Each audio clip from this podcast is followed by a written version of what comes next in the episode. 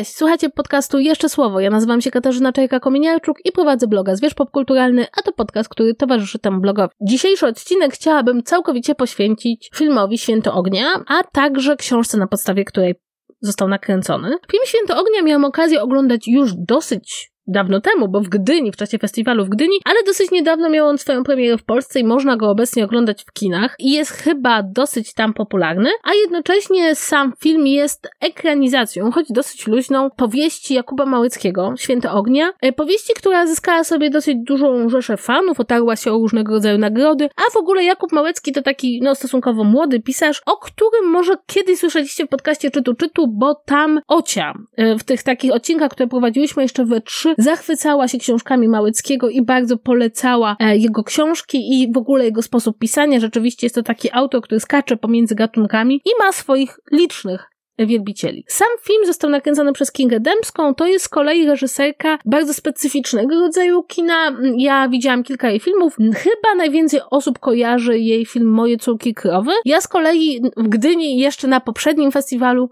czy nawet dwa festiwale temu, musicie mi to wybaczyć, bo czas się skraca. Widziałam jej e, film Zupa Nic, taki film o dorastaniu w latach 70. i 80. w PRL-u. Relacje rodzinne, to zresztą bardzo często pojawia się w jej filmach. E, bardzo mi się zresztą tamten film podobał. On miał takie dosyć mieszane recenzje, to muszę od razu powiedzieć, natomiast ja miałam takie poczucie, że jest to film, który stara się ująć jakąś taką ciekawą, ciepłą, choć nie jednoznaczną dynamikę rodzinną i rzucić ją na tło czasów. Było to całkiem ciekawe. Wydaje mi się, że ten jej sposób opowiadania historii, właśnie taki bardzo mocno skoncentrowany na rodzinności, tutaj pasował. Trzeba zresztą powiedzieć, że Kinga Dębska tworzy w w Polsce filmy no z takiego dosyć nieoczywistego gatunku, bo jej kino to nie jest kino ani komediowe czysto, ani czysto dramatyczne, nie jest to kino romansowe, nie są to komedie romantyczne, to jest po prostu dobre kino obyczajowe, bardzo mocno nastawione na relacje rodzinne. I kiedy się weźmie Święto Ognia jako książkę i zastanowi się nad tym, że zekranizowała ją Kinga Dębska, to pod wieloma względami ma to sens, dlatego że w centrum tego historii, w centrum historii, którą poznajemy w Święcie Ognia, jest historia dwóch sióstr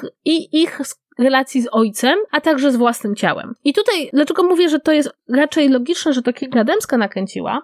Ponieważ u niej w kinematografii, i to jest bardzo wyraźne, relacje pomiędzy córkami a ojcem, zwłaszcza ciepłe relacje, zwłaszcza takie relacje, o których myśli się jednak mimo wszystko jako o takich pogłębionych, nie takich standardowych relacjach, jakie znamy z powieści polskiej, czy nawet z kinematografii, czyli takich chłodnych, zdystansowanych, nie. U Kingi Dębskiej te relacje córek i ojców są bardzo ciepłe. Nie znaczy to oczywiście, że nie są pozbawione problemów, sporów, konfliktów, bo tam one się też pojawiają, ale jest to właśnie ta narracja, w której to nie matka stanowi centrum świata, ale ojciec. Nie wiem, jak się potoczył życiorys Kingi Dębskiej, przyznam, nie sprawdzałam tego, ale mam wrażenie, że być może czerpie tu z własnego doświadczenia rodzinnego, bo tej obrazy rodziny, gdzie właśnie jest takie ciepło bijące przede wszystkim od ojca. Czasem jest to relacja trudna, jak podkreślam, a do tego wszystkiego jeszcze, gdzie pojawiają się bardzo często dziadkowie jako ci bardzo mocno wspierający. Mam wrażenie, że bardzo trudno opowiedzieć taką historię, jeśli się tego nie miało. No chyba, że tu Kinga Dębska nadrabia właśnie jakiś brak i stara się opowiedzieć o czymś, czego z własnej biografii nie zaznała, chociaż raczej stawiałabym, że miała dobre kontakty z ojcem, ale tutaj nie znam życiorysu Kingi Dębskiej, przyznam szczerze, w związku z tym nie, nie drążyła. Natomiast wracając do samej fabuły filmu, ona opowiada o dwóch siostrach, o Anastazji, która jest dwudziestolatką z porażeniem mózgowym, która żyje w,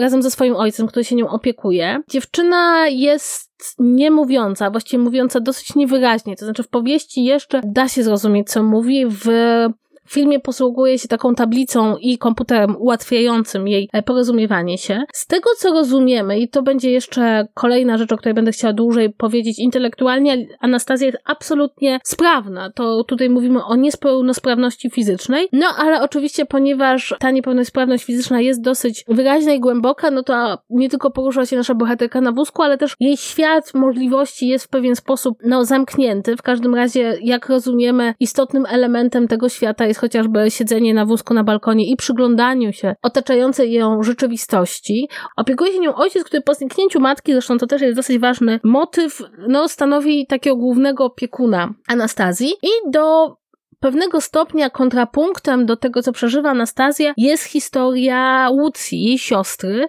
Łucja jest baletnicą, jest baletnicą przygotowującą się do najważniejszego występu w, swoim, swojej karierze. Takiego występu, który prawdopodobnie pozwoli jej przeskoczyć z no, tego tańczenia z tyłu na scenie do tańczenia jako solistka. No, ale jak się okazuje, ten debiut w balecie narodowym nie będzie aż tak prosty, ponieważ mimo olbrzymich ambicji Łucji okazuje się, że no, ciało także niezwykle sprawnej kobiety potrafi tutaj postawić jakieś granice. Więc mamy tutaj dwie siostry, no w takim dosyć drastycznie różnym położeniu. No i mamy także ich ojca, Poltka, który zajmuje się Anastazją, jakby ułożył sobie życie wokół niej, ale jest tam też taka refleksja, jak wygląda to jego życie poza opieką nad córką. I pojawia się tutaj w roli takiego, takiej nowej iskry w całej tej sytuacji Józefina, czyli sąsiadka z naprzeciwka, z balkonu obok właściwie, która wchodzi w to życie i Anastazji Poltka i trochę mniej Łucji z taką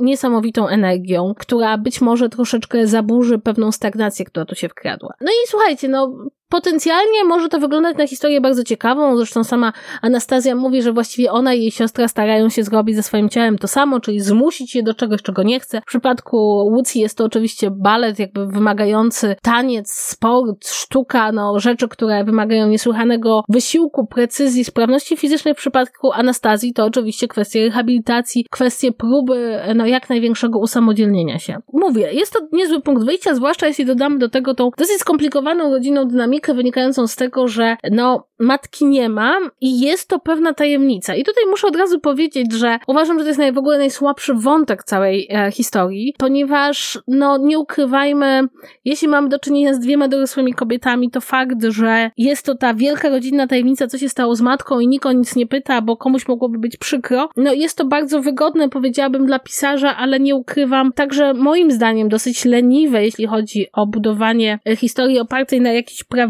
emocjach ludzi, no jednak mimo wszystko ludzie zadają pytania, zresztą w ogóle trudno mi sobie wyobrazić jakąś taką ciepłą mimo rodzinę, a tak buduje się tą historię, w której no historia matki jest owiana tak bardzo tajemnicą i właściwie przez te kilkanaście lat żadna z dwóch córek nie zadaje żadnego pytania albo nie dostaje żadnej odpowiedzi na to pytanie. Wydaje mi się, że to jest tak toksycznie patologiczne, niezależnie od tego, jak trudne byłyby odpowiedzi, że to kładzie się cieniem na całą książkę. Natomiast dlaczego, dlaczego postanowiłam nagrać o tym podcast tak naprawdę? Ponieważ poraził mnie ten film i poraziła mnie ta książka, bo one są robione zdecydowanie jako takie historie feel good, tak? To znaczy, wiem, że bardzo wiele osób sięgnęło po książkę Małeckiego i potem opisywało ją jako historię, która poprawiła im humor i stała się jakąś taką ciekawą skocznią codzienności. Wiem, że też film, no widziałam go, jest nakręcony w taki sposób, że właściwie mamy się po nim poczuć lepiej, mamy poczuć się lepiej patrząc na to, jak e, Józefina zmienia życie Anastazji, też jak obie bohaterki szukają jakiegoś porozumienia, jak walczą o swoje i ma to być w jakiś sposób historia, która nas pociesza.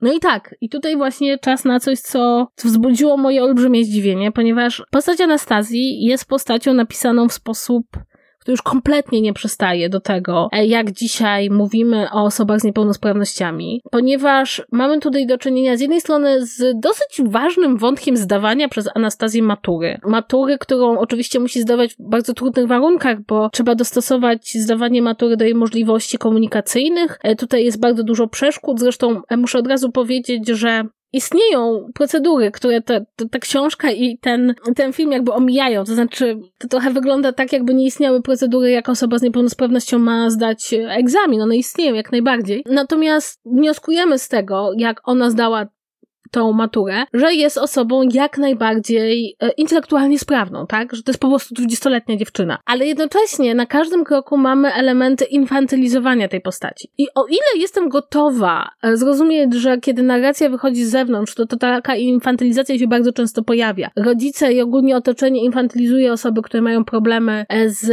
komunikacją, które są uzależnione od opiekunów. Bardzo często zresztą to widzimy, prawda, czy chociażby w kwestiach rozmowy o przyszłości, rozmowy o funkcjonowaniu, ale także, nie wiem, w takich drobnych kwestiach jak mm, mówienie z drobnieniami, czy kwestie ubrań. Natomiast tutaj prawda, mamy tą Anastazję, która się posługuje świetnie komputerem, jest intelektualnie sprawna, kocha komiksy, jest taką osobą, która z jednej strony ma mieć taki charakter i ma być po prostu zaprzeczeniem tych stereotypów, ale z drugiej strony na każdym kroku jest infantylizowana, a narracja wychodzi od niej. Właściwie nigdzie w tej narracji tak naprawdę nie pojawia się żadna głębsza refleksja e, nad sytuacją, w której się znalazła.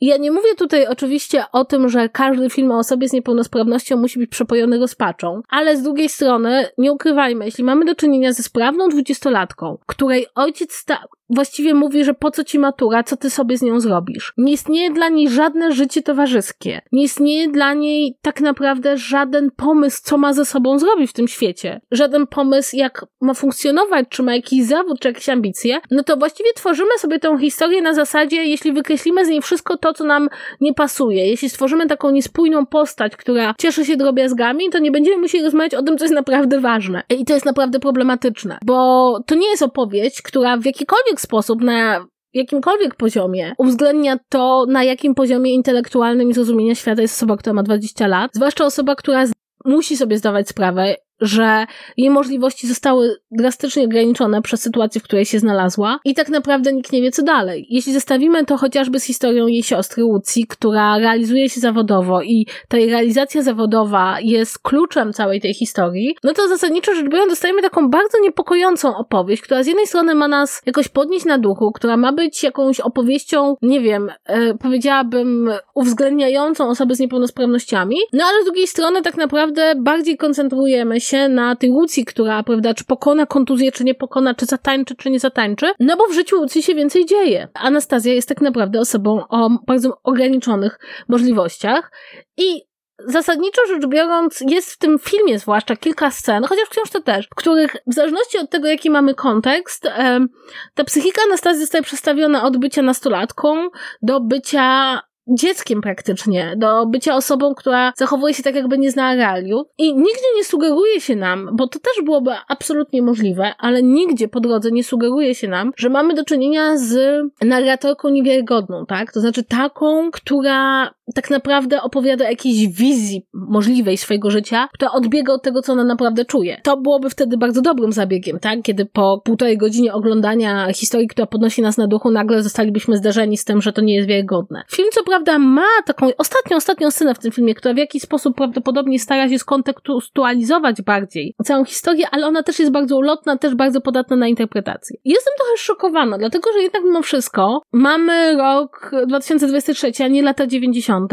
i nasze narracje o osobach z niepełnosprawnościami bardzo się zmieniły. Zmieniło się także nasze podejście do osób z niepełnosprawnościami w samych filmach, bo tutaj główną rolę Anastazji gra sprawna aktorka, zresztą dostała nagrodę za debiut w Gdyni. I gra dobrze, tylko ponownie, tak? Jakby jesteśmy już kilka kroków dalej. Osoby na przykład chociażby z niepełnosprawnością ruchową czy z problemami z komunikacją nie, nie znajdą się w kinie między innymi dlatego, że ich role grają sprawni aktorzy i aktorki. E, to nie jest tak, że te osoby nie potrafią grać. Tam, gdzie się czasem je dopuszcza, okazuje się, że są bardzo dobrymi aktorami i aktorkami i się znajdują na planie. Wymaga to więcej pracy, ale to nie znaczy, że jest niemożliwe. Tutaj osoby z niepełnosprawnościami pojawiają się w jednej scenie, tak? Na samym końcu jest scena urodzin bohaterki tej jednej scenie widzimy tam, no i chyba potencjalnych znajomych i kolegów, to są postaci, które nigdy nie są nam przedstawione. Co też jakby jest dosyć ciekawe, opowiadamy tutaj historię osoby z niepełnosprawnościami i właściwie poza nią inne osoby z niepełnosprawnościami są absolutnie anonimowe. To są jakieś postacie w tle. Tu przynajmniej się pojawiają. W książce się nie pojawiają. Anastazja jest wyjęta jakby e, z tego kontekstu niepełnosprawności innych osób, tak? Jakby e, rehabilituje się w domu, nie jeździ na żadne turnusy, nie jest częścią żadnego stowarzyszenia, mm, co też jest jakby dosyć symptomatyczne, tak? To znaczy jesteśmy sobie w stanie wyobrazić jedną osobę z niepełnosprawnością naraz. Do tego wszystkiego wydaje mi się, że problemem jest także to, że akurat w przypadku porażenia mózgowego ono jest dosyć powsze znaczy powszechne. Osoby o bardzo różnym stopniu porażenia funkcjonują w społeczeństwie, robią różne rzeczy, są w stanie to zweryfikować, prawda, te realia. I tutaj mam, mam wrażenie, zwłaszcza w przypadku powieści, widziałam głosy bardzo krytyczne, dotyczące tego, że no kurczę, no trochę, trochę jest to taki, wiecie, wymyślony człowiek z niepełnosprawnością na potrzeby fabuły, e, bez osadzenia go właśnie w tym szerszym kontekście, jak te osoby realnie funkcjonują w społeczeństwie. Patrząc na ten film, właśnie miałam poczucie, że jesteśmy, może nie w latach 90., na początku 2000, gdzie pojawiają nam się takie bardzo podnoszące na duchu, takie ciepłe historie o osobach z niepełnosprawnościami, e, które tak naprawdę realnie koncentrują się nie na uczuciach osób, e, które z jakiegoś powodu są mniej sprawne, ale na uczuciach osób w pełni sprawnych, które na przykład mogą czerpać siłę z tego, jak te osoby sobie radzą, czy jaki mają optymizm w życiu. To jest e, bardzo zresztą dobrze znany mechanizm. On napędza bardzo wiele osób na świecie, które na przykład e, są osobami z niepełnosprawnościami, jeżdżą na przykład z wykładami, opowiadając o tym, jak sobie doskonale radzą, jak pokonują przeciwności losu, no i to są wykłady dla osób sprawnych, które patrząc na to mogą sobie powiedzieć, aha, jeśli ty, nie mając rąk albo nóg, albo i rąk i nóg, jesteś sobie w stanie poradzić, to ja też sobie poradzę i w ten sposób się motywujemy. No oczywiście jest to takie spojrzenie powiedziałabym bardzo instrumentalne, tak? I tak samo jeśli opowiadamy sobie taką ciepłą, podnoszącą na duchu historię o tej dzielnej dziewczynie, bo to jest zawsze dzielna dziewczyna, tak? Te, to też jest bardzo istotne, że jakby nie pozwalamy, żeby ta jakaś dorosłość weszła w to wszystko. Która sobie radzi w życiu, no to myślimy sobie, jeśli ona sobie radzi, jeśli ona umie patrzeć na życie w ten sposób, jeśli ona, mimo że jeździ na tym wózku, jest w stanie być e, zadowolona życia, no to ja też nie mam się na co skarżyć. No i no, to nie jest spojrzenie na drugiego człowieka tak naprawdę, tak? Tylko wtedy ta osoba z niepełnosprawnością jest jakimś instrumentalnie poszkodowanym, który sprawia, że my się od tego odbijamy, i możemy sobie powiedzieć, no jeśli ktoś ma tak źle, to ja już nie mogę narzekać, czy to ja też może się zainspiruję. No jak e, można wielokrotnie usłyszeć os od osób z niepełnosprawnościami, one nie są na świecie po to, żebyśmy mogli się poczuć lepiej, czy żebyśmy mogli się nimi inspirować w chwilach zwątpienia. Są po prostu ludźmi, którzy mają swoje potrzeby i mają swoje problemy. A tych problemów chociażby w społeczeństwie polskim mają bardzo dużo, bo nie ukrywajmy, jesteśmy społeczeństwem, no jednak mimo wszystko głęboko odciętym od e, usprawnień dla osób z niepełnosprawnościami. Chociażby najprostsza rzecz, gdyby ktoś e, z niepełnosprawnością ruchową poszedł do kina e, na festiwalu w Gdyni, no to e, do tej sali, w której ja to oglądałam, dostałby się windą, ale już musiałby to obejrzeć, no stojąc po, na samym dole widowni, tak? Nie, nie, nie było miejsca, do którego inaczej by się taka osoba dostała. I to możemy tam mnożyć i mnożyć, tak? Tych e, sytuacji, w których osoby z niepełnosprawnościami są chociażby odseparowane od kultury, jest bardzo dużo. E, wydaje mi się, że film nigdzie na przykład nie pokazuje nam dokładnie, ile przeszkód musi osoba z niepełnosprawnościami pokonać, żeby usiąść na widowni Teatru Wielkiego Opery Warszawskiej, a w ilu miastach po prostu nie ma żadnych usprawnień dla osób z niepełnosprawnością ruchową. Podobnie, e, nie wiem czy wiecie, że w Polsce praktycznie nie wyświetla się w kinach filmów, które mm, mają polskie napisy, jeśli to jest polski film. To oznacza, że osoby, które w Polsce albo są głuche, albo cierpią na znaczną utratę słuchu, nie mogą oglądać polskich filmów w kinie. A mówimy tutaj o, prawda, o jakimś drobnym dodatku. E, nawet część kin, które mają usprawnienia dla osób z niepełnosprawnościami, czasem gdzieś po drodze ma trzy schodki. A ja mówię o kulturze, tak? O czymś, co jest i tak dodatkiem, i tak czymś, bez czego bardzo dużo osób, nawet bez niepełnosprawności, jakoś sobie tam w życiu radzi. No ale jeśli jest się osobą, która ma z tym problem, no to w tym momencie częściej, częściej nie ma, nie ma optymistycznego, dobrego zakończenia, tak? Nigdy nie zapomnę, jak z moim kolegą, który zresztą em, też porusza się czasem na wózku, jest właśnie osobą z porażeniem. Byliśmy na objeździe naukowym, no i były takie momenty, kiedy po prostu moi koledzy musieli ten wózek wnieść. A objazd naukowy to jest objazd po zabytkach kultury, które są zabytkami kultury narodowej, do których każdy obywatel powinien mieć dostęp. I to nie chodzi o to, że należy przebudowywać budynki, tylko jeśli do jakiegoś miejsca prowadzi 20 schodków, no to to jest podział obywateli na tych, którzy mogą coś zobaczyć, a nie mogą czegoś zobaczyć. E, I te zmiany zachodzą w Polsce jednak mimo wszystko bardzo powoli. I kiedy zestawimy to właśnie z tego typu reprezentacją filmową, której zresztą, e, zwróćcie uwagę, prawie tylko taką mamy. To znaczy, mamy takie historie, które nas podnoszą na duchu, pocieszają, pokazują walkę, chęć życia, które pokazują przełamywanie barier, no bo to się dobrze sprzedaje osobom sprawnym. Bardzo mało jest historii, które jakby pokazują te codzienne koszta funkcjonowania po prostu jako osoba z niepełnosprawnością, czy chociażby, no nie wiem, tutaj w, w Święcie Ognia e, nasza bohaterka zakochuje się w swoim sąsiedzie, podkochuje się w nim trochę, myśli, czy mogłaby się w nim tak zakochać na odległość. No i z jednej strony to jest pokazane jako taka, prawda, młodzieżowa, e, nastoletnia miłość, no ale z drugiej strony film nie, nie idzie o krok dalej, nie mówi o tym, jak na przykład seksualność osób z niepełnosprawnościami jest kompletnym, totalnym tabu i nikt o tym nie chce rozmawiać, a osoby, które o tym rozmawiają, zasadniczo rzecz biorąc, albo udają, że nie ma problemu, albo mówią, że nie wiedzą, jak ten problem rozwiązać. Jak bardzo często osoby, które są właśnie zmuszone, jakby skazane na to, żeby żyć z rodzicami, żeby być pod ich opieką, no właściwie nie mają nawet szans jakoś zakomunikować tych swoich potrzeb. I to wszystko się dzieje, to nie są rzeczy wymyślone. I oczywiście można powiedzieć, nie każda książka musi być o wszystkim, nie każdy film musi być o wszystkim, ale kiedy zestawiamy tego typu książkę i tego typu film e, z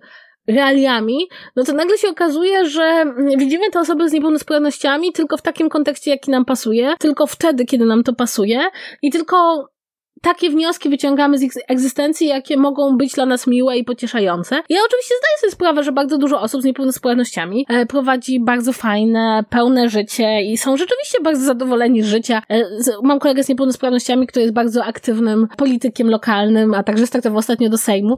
Między innymi on nam tam jest potrzebny, tak, w tej polityce, żeby chociażby zwracać uwagę na kwestie związane, no nie wiem, właśnie z ograniczeniami w przestrzeni publicznej. Więc to nie jest tak, że e, możemy opowiedzieć tylko dobrze albo tylko źle. Natomiast jest symptomatyczne to, że sięgamy po te postacie, kiedy one mogą nam coś zaoferować i kiedy możemy się skupić, prawda, na nich bardziej, a nawet w przypadku Święta Ognia nie jesteśmy się w stanie skupić wyłącznie na Anastazji i jej życiu, bo tworzymy ten kontrapunk w postaci Łucji, e, który to w ogóle jest dosyć problematyczny, bo Łucja jest baletnicą, ona ma kontuzję i nie chce się poddać, nie chce jakby oddać tej roli pomimo kontuzji. No i słuchajcie, i to też jakby z punktu widzenia faktu, że praca w balecie jest pracą grupową, jest pracą, gdzie cały zespół baletowy pracuje nad jakimś efektem, no to pytanie, czy czy powinniśmy kibicować bohaterce, czy powinniśmy e, pozytywnie myśleć o bohaterce, która tak naprawdę myśli wyłącznie o sobie, a nie o całej tej grupie, która nad czymś pracuje, bo przecież nie tylko ona jest na tej scenie. No nie wiem, wydaje mi się, że zestawienie e, tego, tej takiej hipersprawności, jakiej wymaga balet z niepełnosprawnością, wydaje mi się, że jest takim zabiegiem, nie powiedziałabym tanim, ale mam właśnie takie wrażenie, że wy, wybiegającym raczej od ludzi, którzy myślą o tych dwóch rzeczach jako równie odległych. Tymczasem oczywiście wszystkim nam jest bliżej od tego, żebyśmy byli niepełnosprawni sprawni od tego, żeśmy tańczyli balet. To chcę wam powiedzieć, że e, warto mieć to w głowie. Natomiast świat jednak zupełnie inaczej traktuje ludzi, którzy tańczą balet, a zupełnie inaczej ludzi, którzy żyją z niepełnosprawnościami. I powiem szczerze, mnie ten film jakoś dotknął czegoś bardzo niemiłego, moim zdaniem, właśnie tą swoją nieświadomością. Przy czym akurat sam film Kingi Dębskiej jest bardzo mocno osadzony w tej takiej narracji o relacjach pomiędzy rodzicami a dziećmi, pomiędzy córkami a ojcem. Miałam takie wrażenie, że Kinga Dębska stworzy swój własny cinematic universe, gdzie te wszystkie postaci, rodziny, czasem też aktorzy i aktorki się przetykają. Jest tam też trochę takich jakichś kompletnie stereotypowych postaci, ta Józefina, sąsiadka mieszkająca obok, którą Kinga Price rzeczywiście świetnie gra, tak przy okazji. To jest dokładnie dokładnie ten rodzaj takiej postaci, która się pojawia, prawda, w filmie, żeby pokazać, że jest taka pani, która nie zwraca uwagi na tą niepełnosprawność i ona wnosi ten promyczek światła. No, w filmie to raczej tą postać ratuje to, że absolutnie cudowna jest Kinga Price i gra, gra tą postać jakoś tak naturalnie i z takim wdziękiem, że że jej wierzymy. Znaczy, że jesteśmy w nią w stanie uwierzyć. Jest tam w tym filmie sporo takich ciepłych, miłych scen, ale cały czas, kiedy go oglądałam, miałam właśnie tą myśl, że no to jest takie ciepło, które my sobie gwarantujemy, dlatego że, dlatego, że pozwalamy sobie na nie. I być może są takie życiowe sytuacje, w których troszeczkę za często sięgamy po to ciepłe i miłe, a trochę za rzadko po to, co prawdziwe. Prawdziwe zwykle nie jest ani aż tak tragiczne, ani też tak ciepłe, jak myślimy. I bardzo bym chciała i bardzo bym czekała, aż kiedyś w polskim kinie pojawi się właśnie taka opowieść o osobie z niepełnosprawnością, która będzie o czymś więcej niż tylko o tej niepełnosprawności i pokaże nam no coś, co wszyscy chyba wiemy, że niepełnosprawność jest tylko dodatkiem do człowieka, który tam z tą niepełnosprawnością sobie radzi na co dzień, natomiast nie jest wyłącznie tym człowiekiem i też czekam na taki film, który jakoś wyjmie, wyjmie tych bohaterów z tej jakiejś mocarnej narracji o, o, radzeniu sobie z życiem. Można sobie z życiem nie radzić. A skoro osoby pełnosprawne sobie nie zawsze radzą, to i niepełnosprawne mogą sobie e, nie zawsze radzić i wydaje mi się, że, że to też byłoby fajnie pokazać pokazać w jakimś takim, może lżejszym, ale jednak prawdziwszym ujęciu. Przy czym od razu chciałabym też zaznaczyć, że to nie jest tak, że kino sobie w ogóle z tym poradziło i tylko Polacy zostali gdzieś tam na prerii. Nie, bo, bo prawda jest taka, że kino międzynarodowe też e, ma z tym problem i to nie jest przypadek, że historie takie jak Niezniszczalni, naprawdę, to taka historia pomiędzy przyjaźni e, opiekuna i e, sparaliżowanego milionera zyskały taką popularność, no bo to znowu była historia o pięknie życia i o spotkaniu ponad podziałami. Mogliśmy sobie tą historię, która jest oparta na faktach, ale gdzieś tam podrasowana, można radośnie opowiadać i czuć się lepiej, no ale, ale to właśnie, to, to jest ten problem, że chcemy na, na osoby z niepełnosprawnościami bardzo często patrzeć tylko i wyłącznie w tym konkretnym kontekście, który sami ustalimy, sami postawimy te ramy i czujemy się z tym dobrze, a tymczasem no, sytuacja jest bardziej skomplikowana jak wiele rzeczy w życiu. Ja zgadałam się trochę, ale to jest rzecz, o której mam wrażenie niekoniecznie umiemy zawsze opowiadać i niekoniecznie umiemy zawsze sobie znaleźć odpowiedni język. Ja prawdopodobnie też miałabym inne podejście, być może byłabym bardziej podatna na proste wzruszenia, gdyby nie fakt, że po prostu miałam to, nie powiem szczęście, po prostu przypadek, no bo to przecież jest e, loteria, że spotkałam w swoim życiu kilka osób z niepełnosprawnościami, które pokonywały bardzo wiele barier, które nam się wydaje, że mamy w głowie, ale to nie znaczy jeszcze, że ich życie było pozbawione problemów i że jakkolwiek chciały być dla kogokolwiek inspiracją. Wydaje mi się, że wszyscy mamy w ogóle bardzo wiele do nauczenia się odnośnie tego, jak mówić i jak wygląda w ogóle codzienność osób z niepełnosprawnościami i jak